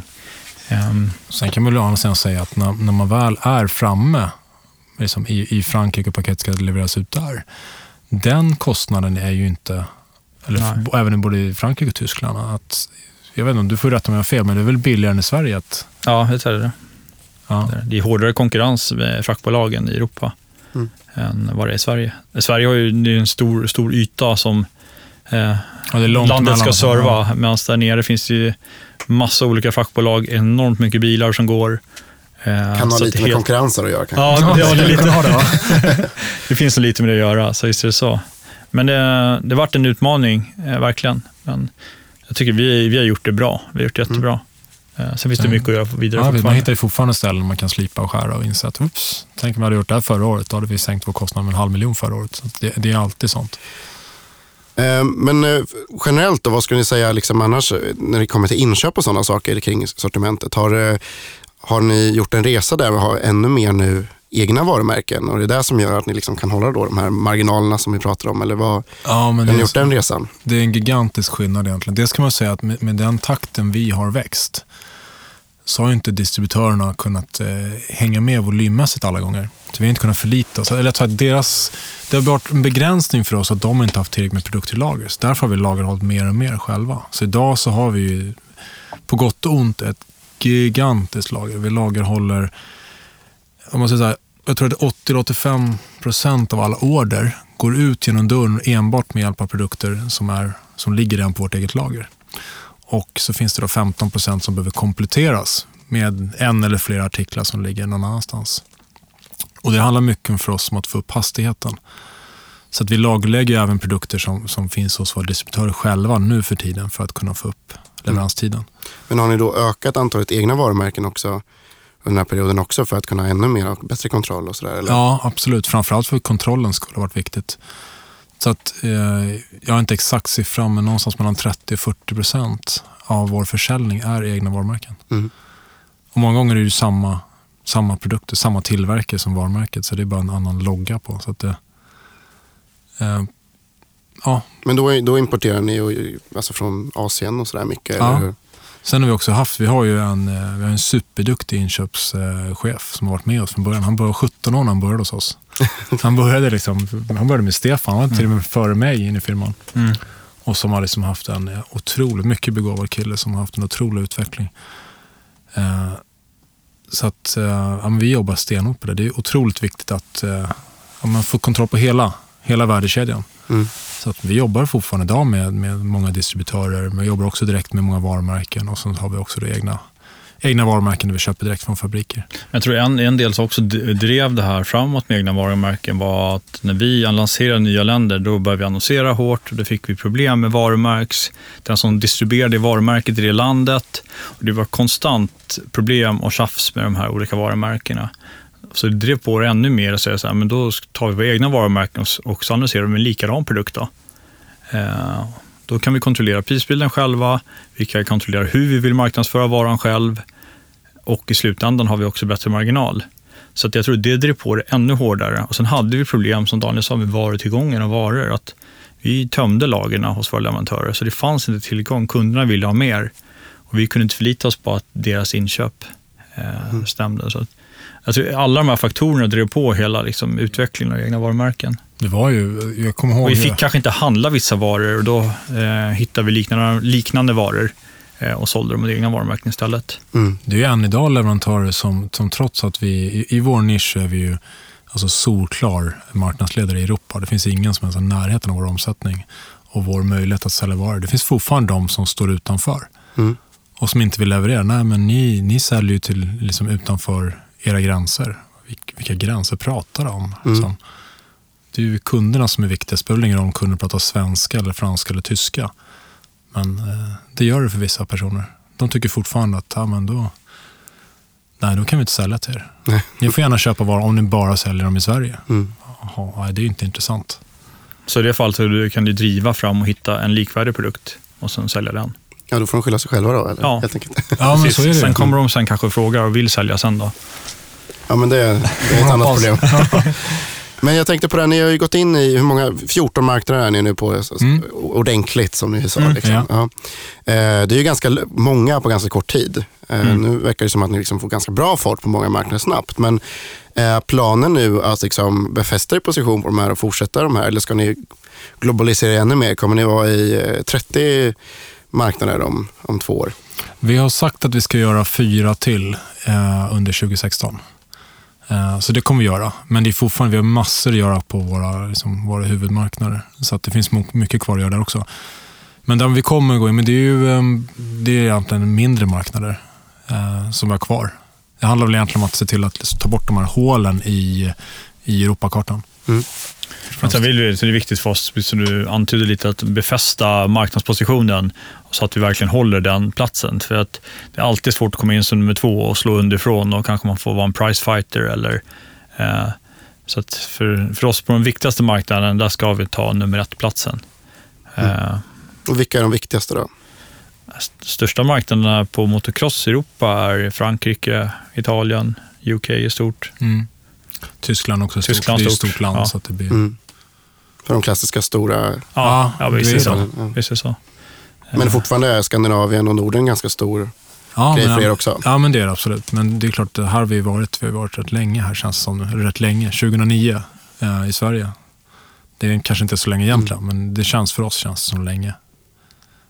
Och ni har hela tiden eh, växt med lönsamhet och, och fått det funka så. Är det, och ni har aldrig tagit in några investerare eller har behövt göra det för att växla upp? Liksom.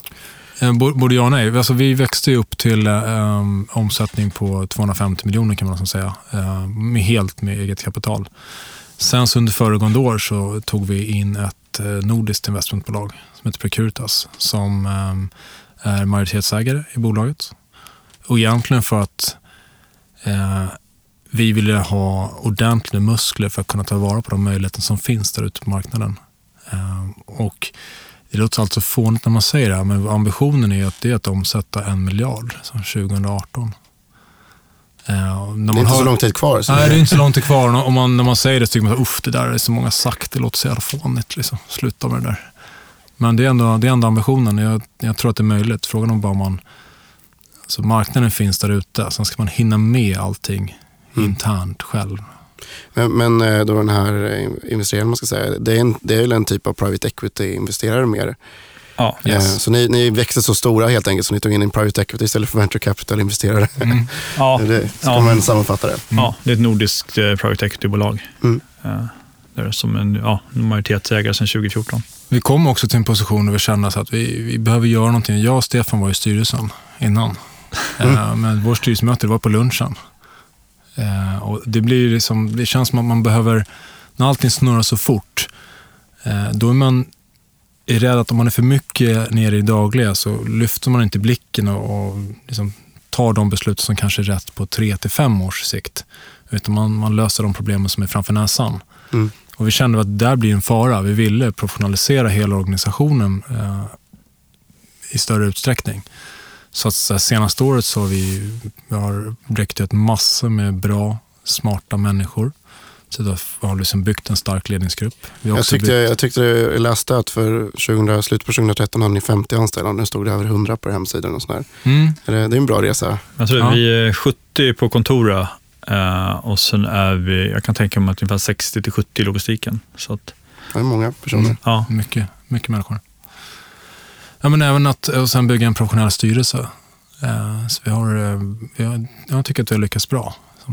Det är en samling bra begåvade människor som kan ta, kan ta de besluten som krävs för att ta oss dit vi ska om tre till fem år.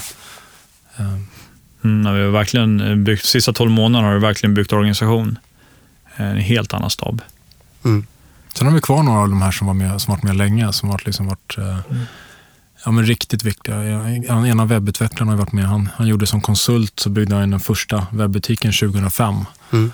Uh, och nu sitter han i, i Åre och styr liksom den eh, verksamheten där uppe. Ja, men där fick jag en fråga nu om på, i förväg. Ni har från början i princip valt att bygga egna, mm. egen plattform och egen teknik mm. och sådär.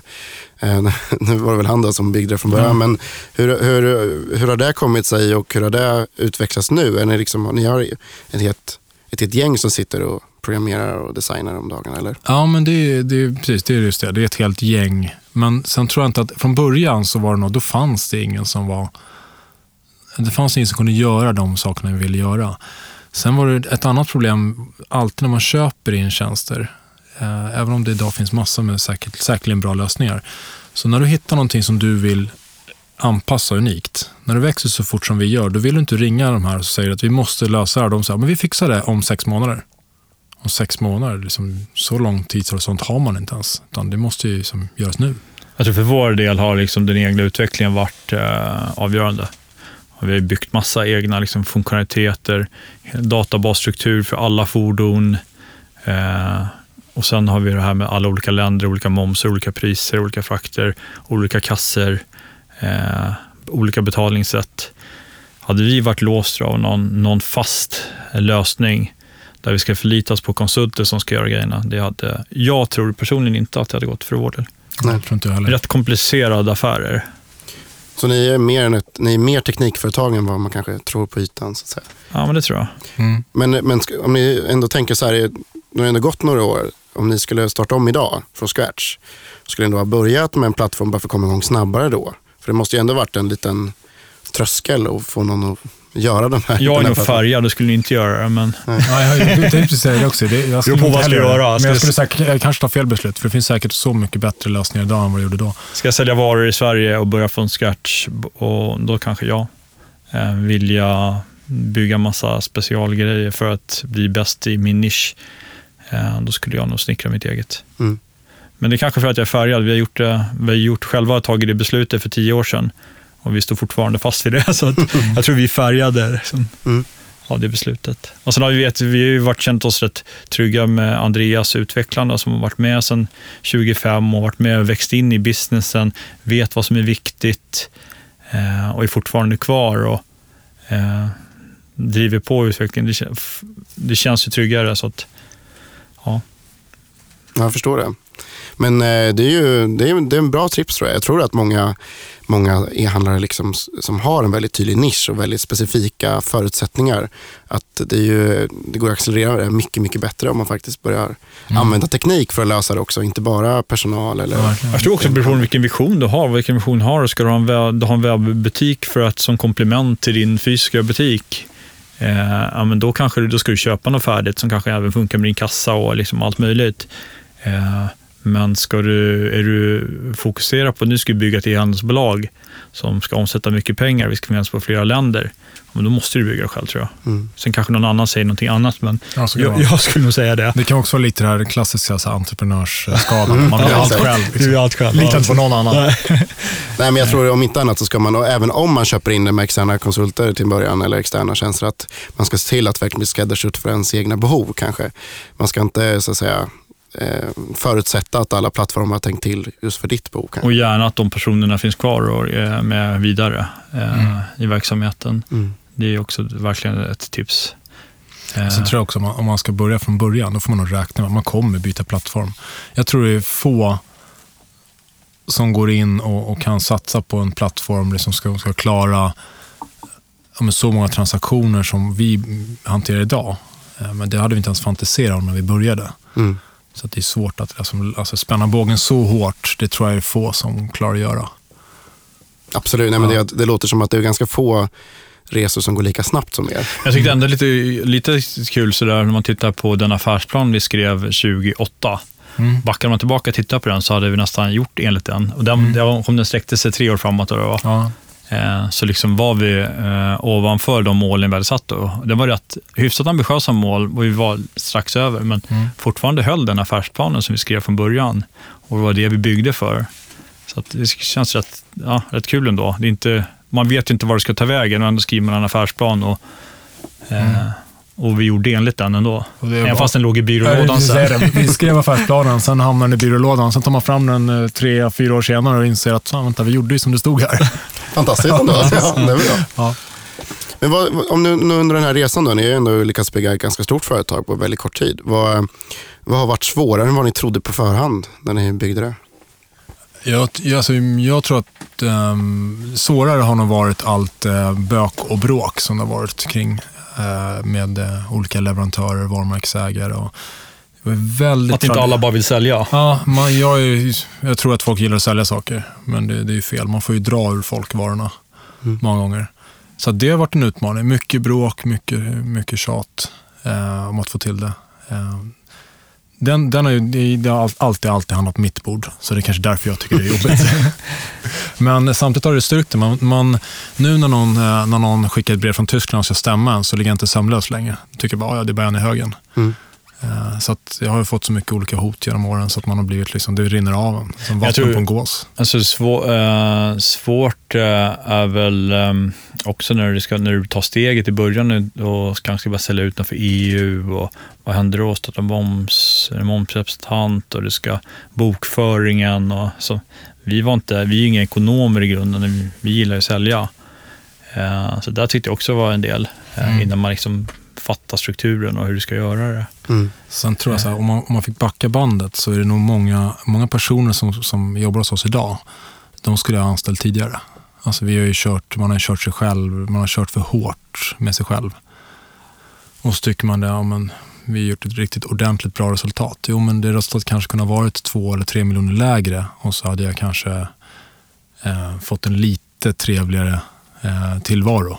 Mm. Man jobbar, man har tagit kanske lite för mycket grejer själv längs vägen. Samtidigt så å andra sidan så säger jag då att, att jag tycker att det, man vill ju ha en lönsamhet. Jag tycker det känns konstigt att bygga en business där man bygger så mycket, man, man har så stor tro på att allting ska komma sen.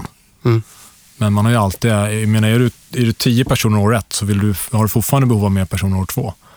Jag tror det är få gånger att du går in tio personer år ett och sen inser att år två behöver jag inga fler för människor. Du sätter någonstans nivån. Vad jag Väl- tror. Så svåra som man tycker ansträngande är väl alltid när man eh, är, när du växer ska du tänka ändå ha en ordentlig cashflow.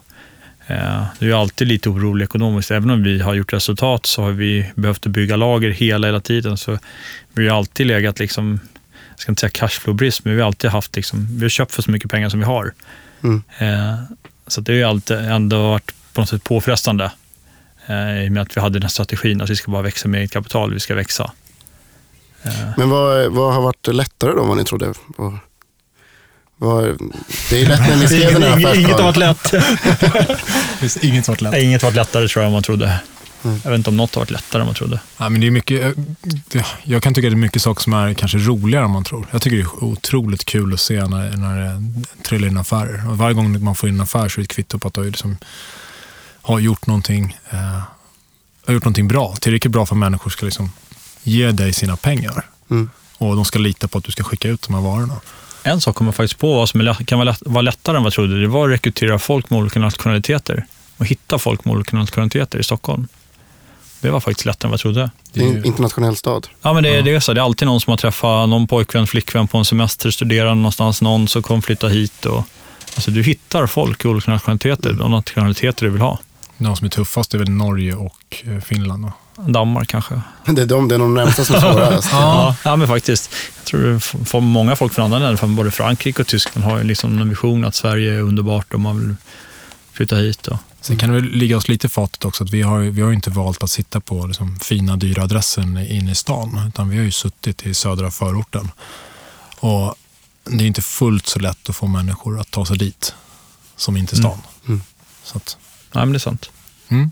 Och nu har vi faktiskt en ny, ny trevlig lokal. Fortfarande på södra sidan av stan i Västberga, men det är eh, ett betydligt trevligare. Det är ett riktigt kontor för första gången. Mm. Men det är inget lager där, utan det är i Helsingborg? Vi har ett pyttelitet lager som servar vår butik. Vi har även en fysisk butik mm. där, som faktiskt är tre gånger större än vår tidigare butik. Men eh, det, där är fortfarande bara delar, det är utvalda delar av sortimentet. Vi har så otroligt mycket saker på lagret. Varje gång man går ner på lagret blir man ju mörkrädd. Det är så otroligt mycket grejer. Men, eh, mm. Och vad är, vad är framtidsplanerna då? Eh, ni ska resten av Europa såklart, men när går ni utanför Europa? Om du inte menar Schweiz med det eller så. eh, jag vet inte om vi gör det. Eh, eh, det kanske är längre fram i framtiden, men jag tror att fokus kommer inte vara att gå utanför Europa i nuläget. Eh, inte som jag säger just nu i alla fall. Nej, jag, jag, har eh. sneglat på, jag sneglat på Ryssland, däremot känns inte det som, det känns inte riktigt som läge just nu. Vi har så mycket att ta det är ju alltså viktigt också att inte tappa fokus. Om vi nu mm. ska liksom befästa position nummer ett. Jag tror den är viktigare att befästa än att ha spridda skurar över hela världen. Så XN Motor och sådär, ni ser mycket mer att få de andra varumärkena förutom 24MX att växa? Ja, mm. faktiskt. Och då kan du fortfarande använda samma distributionsnätverk vi har. Eh, våra produkter är för stora, vi skickar med flygfrakt, det är dyrt. Eh, kanske inte har samma konkurrensfördelar. Här har vi en infrastruktur snart över hela Europa där vi kan skicka varor på ett kostnadseffektivt mm. sätt och vi kan vara starka. Vi har en bra plattform. Vi har alla betalsätt som behövs. Eh, då är det bättre att rulla ut vidare på den. En annan fråga då. Ni, ni kommer inte fortsätta med fysiska butiker då? Fler sådana? Ah, det där är en jättebra fråga. Alltså jag, jag ehm, på något sätt så, eh, i vår bransch eh, så kommer det, ändå, det finns alltid ett behov av fysiska butiker. Det gör ju verkligen det. Men du behöver serva motorcykeln. Eh, du behöver kanske till och med köpa motorcykeln. Även om även det kommer säkerligen ske till större del på nätet framåt. Alltså vi, har, vi har tittat, vi har funderat. Jag säger att det, är, det är inte omöjligt, men det kanske inte ligger absolut högst upp på, på priolistan heller. Mm. Mm. Vi investerade mer i den, den nya butiken nu, då, att ordentligt kassasystem ska funka ihop med vårt ERP-system och att det ska integreras mer. Och får vi se hur det fungerar. Men eh, än så länge ser det bra ut. Mm. Även den fysiska butiken ser jättebra ut.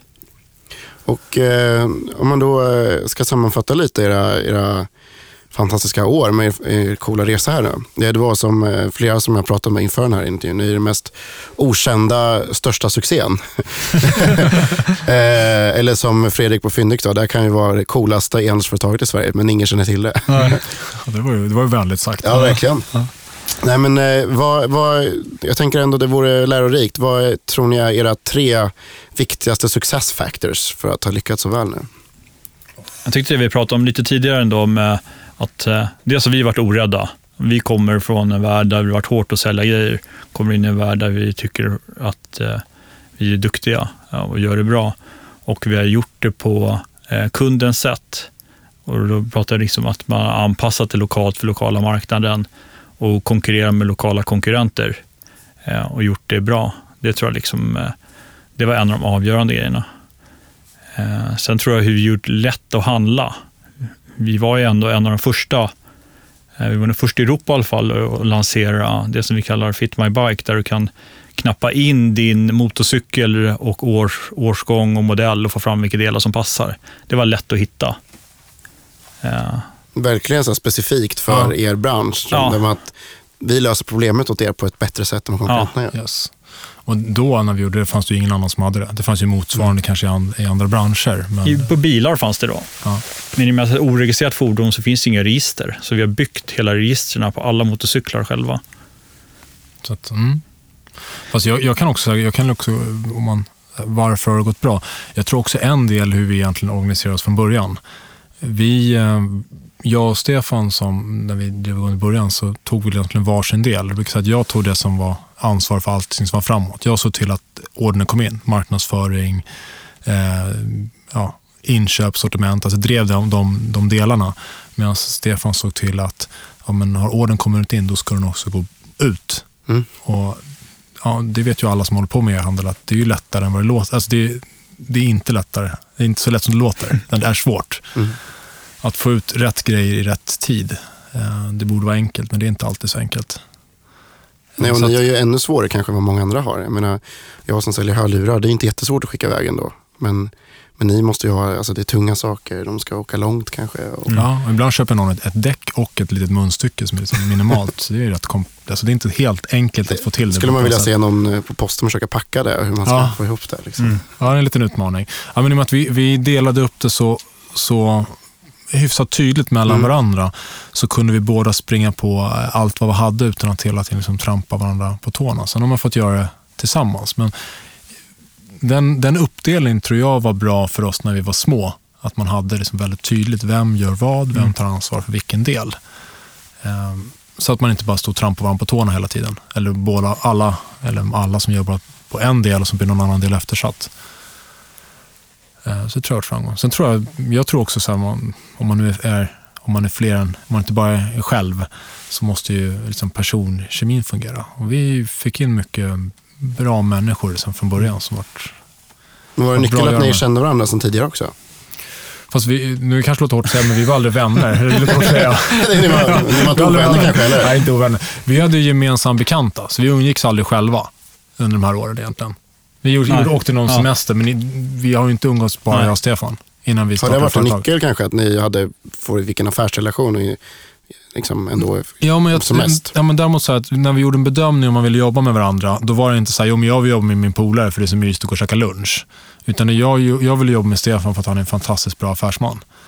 Eh, det var anledningen till att vi startade företag ihop. Det var inte för att det är så mysigt att äta lunch med Stefan, vilket det också är. Men, det var sekundärt. Ja, det var, men det var verkligen det. Uh, men jag tänkte bara komma på som tips, det var också egentligen med starten att göra. Tips är också bestäm ihop vad ni ska göra och sen skriv ett avtal. Vi gjorde ju ändå ett, eh, ett aktieägaravtal och liksom, om det händer olika saker längs resans gång eller om du skulle bo ovänner eh, så har du ändå vad kommer vi överens om från början. Det är ändå det som måste ligga i grunden. Nu har det alltid gått bra för oss och vi har, aldrig, vi har inte varit ovänner en enda dag med någonting om en enda grej. Eh, sen kanske du har tyckt olika om olika saker, men vi har aldrig varit, haft någon eh, konflikt. Eh, det tror jag för att det gått bra. Däremot hade det gått dåligt, då tror jag folk att då börjar alltid se om det är eget bästa. Och då kan man titta tillbaka, så vad var det vi kom överens om från början?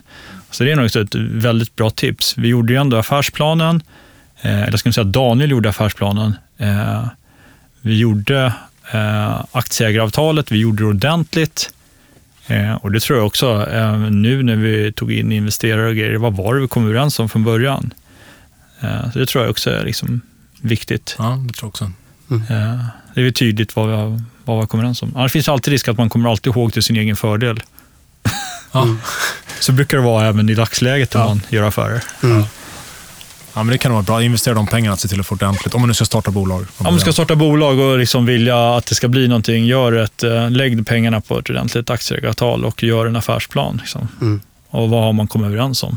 Det är otroligt tråkigt om ett bolag ska gå under bara för att ägarna inte kan komma överens om hur man ska gå åt varsitt håll. Om mm. någonting händer. Och jag tror det är supervanligt. Om ni ändå, jag tänker ändå ni, hittar, ni verkar ha hittat liksom en så bra affärsidé på något sätt ändå.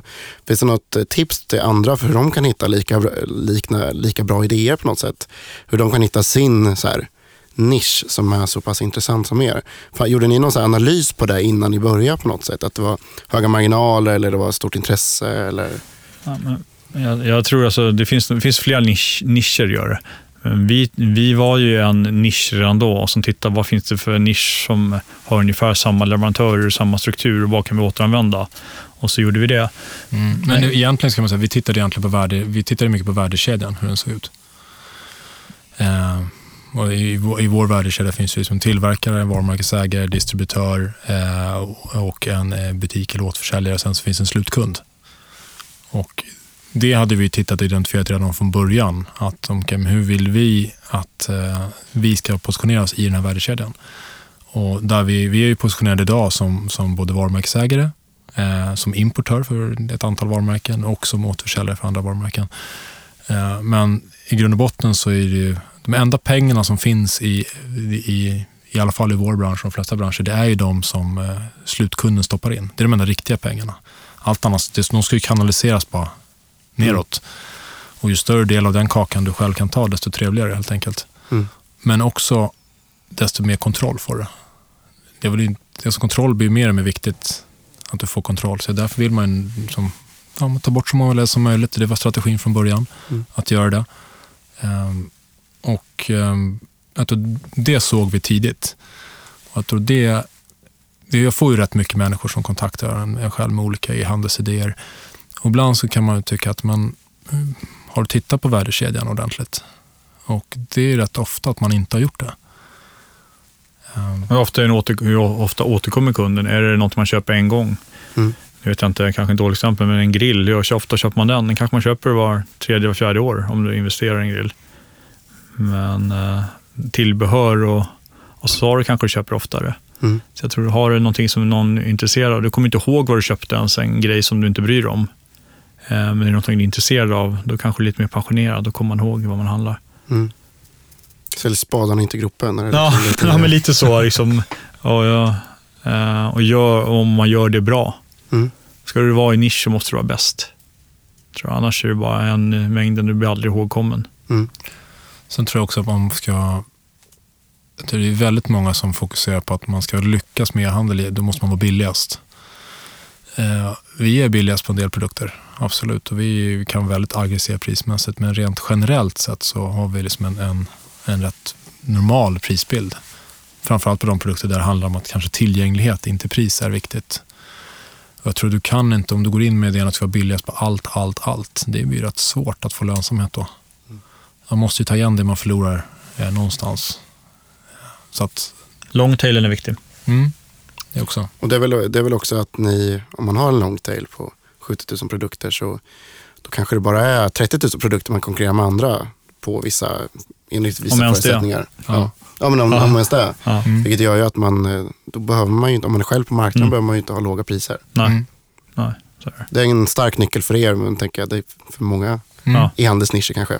Ja, men det tror jag. Jag tror det också, jag tror det kommer mer och mer när e-handels...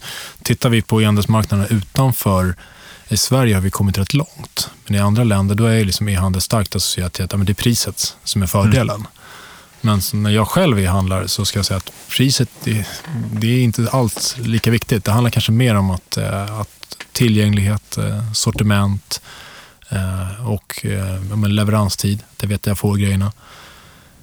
Och vad händer om det går fel? Och vad händer om det går fel? Mm. Men jag har inget. Jag kan köpa skor på nätet, men då vill man veta att man lätt kan skicka tillbaka dem om de inte sitter bra. Mm. Jag tror att i Sverige vi har en grymt försprång. Eh, vi gör det eh, snyggt, vi gör det bra, vi ligger teknikmässigt långt fram. Eh, jag tror inte alltid vi har priset som fokus längre, som det alltid var från början när e-handeln började. Utan det är mer longtailen och hur du presenterar och tryggheten att handla och veta när man får grejerna. Och det tror jag att jag tror många e-handlare har möjligheten ändå att göra sin resa fast i andra länder också. Mm. Så fler borde ta steget till? Ja, det tycker jag. Det tycker jag verkligen. Det händer ibland man träffar e-handlare så säger de att Nej, men, eh, vi är inte konkurrenskraftiga i Tyskland. Och det kan säkert stämma i många fall. Men i andra fall så bör man fråga varför inte det? Ja, men priset från vår distributör det är alldeles för högt. Jaha. Och det innebär vad? Vad borde du göra då? då? Ah, då borde jag byta leverantör. Ja, precis. Det börjar där. Vi har aldrig accepterat att priset ska vara skillnad i något land, i inköpspris, för att det ligger i något annat land. Och jag tror också att det är också en del i grunden att vi har lyckats. Mm. Man kan ta ett exempel. Vi har alltid vi... hittat ett annat sätt att handla. Jag hade en distributör, han ville att vi skulle ta Ta, vi skulle köpa in produkterna för, marknads, för det tyska marknadspriset. Han höjde, alltså han la på 40% till på priset för Sverige. Nej, det är inte okej. Okay. Så ringde runt till alla andra distributörer. Det här var ju 2009 tror jag var. De, på den tiden de vägrade ju säga nej, jag säljer ingenting till Sverige. Absolut inte. Så då var det bara här, på vinst och förlust. Flög ner till Europa, åkte runt hos den distributörerna för det här varumärket och ja, jag vill köpa de här grejerna. Jag har pengar. Nu vill jag handla. Och då börjar ju folk öppna. Mm. Då vart de ju sugna på att sälja. Jag tror att det var ja, men det är också det är grunden för att jag, det finns ingen anledning att acceptera det. Men är det, kan, kan det också vara ett tips till andra att kanske våga köpa in från resten av Absolut. världen och Europa? Och, och... Helst inom EU. Är det en, mycket, ni, ni köper handla... ändå mycket inom EU? Liksom. Ja. Mm. Ja, precis. ja, det gör vi. Vi handlar mycket. Ja, men jag tänkte om du säljer, köper varumärkesprodukter, mm. då ska du handla dem helst inom EU för att slippa problem. Mm. Eh, annars kan du få problem. Mm. Du får inte ta in vilka varumärken som helst. Nej. Till Europa, tyvärr.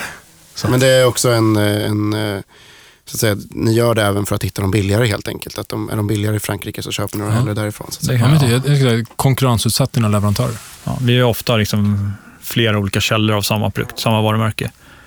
Eh, och har möjlighet att välja. Klassisk sidoimport helt enkelt. Ja. Fast det är inte sidoimport längre. Det var nu, liksom, förr kallades det sidoimport. Mm. Nu är det eh, bara import. Ja, exakt.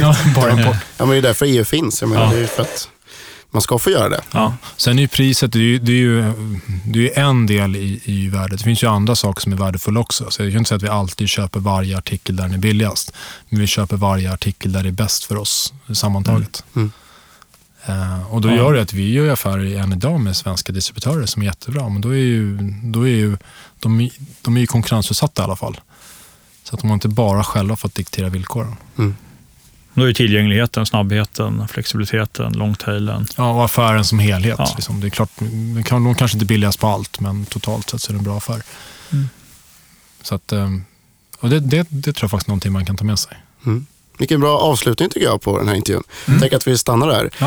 Eh, men bara som vi nu, så att alla går in och shoppar motocross och motorcykelgrejer på rätt ställen. Vad, vad är era URL nu som man ska gå in på? Du, är du sugen på motocross eller endurogrejer, då går du in på 24mx.se. Kör du motorcykel, behöver kläder, utrustning, reservdelar, eh, tillbehör, då går du in på xlmoto.se. Och har du snöskoter som passion, då går du in på sledstore.se. Kanon. Tack mm. för att ni ville vara med i Enhetspodden. Tack, Tack så mycket själv. Tack. Tack.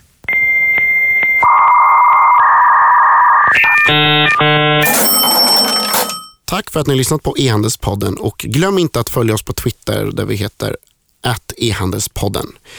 Eh, och eh, ge oss gärna tips på fler att intervjua och även feedback och annat. Eh, tack till vår huvudsponsor också, eh, fyndik.se eh, som hjälper handlare att sälja mer via sin marknadsplats. Gå in på fyndik.se handlare om ni vill signa upp för det och testa. Det är väldigt, väldigt enkelt att testa. Eh, tack också till Aper och ehandel.se där ni hittar podden. Och på återseende snart igen. Eh, ge oss gärna fler tips så att jag kan intervjua ännu, ännu fler.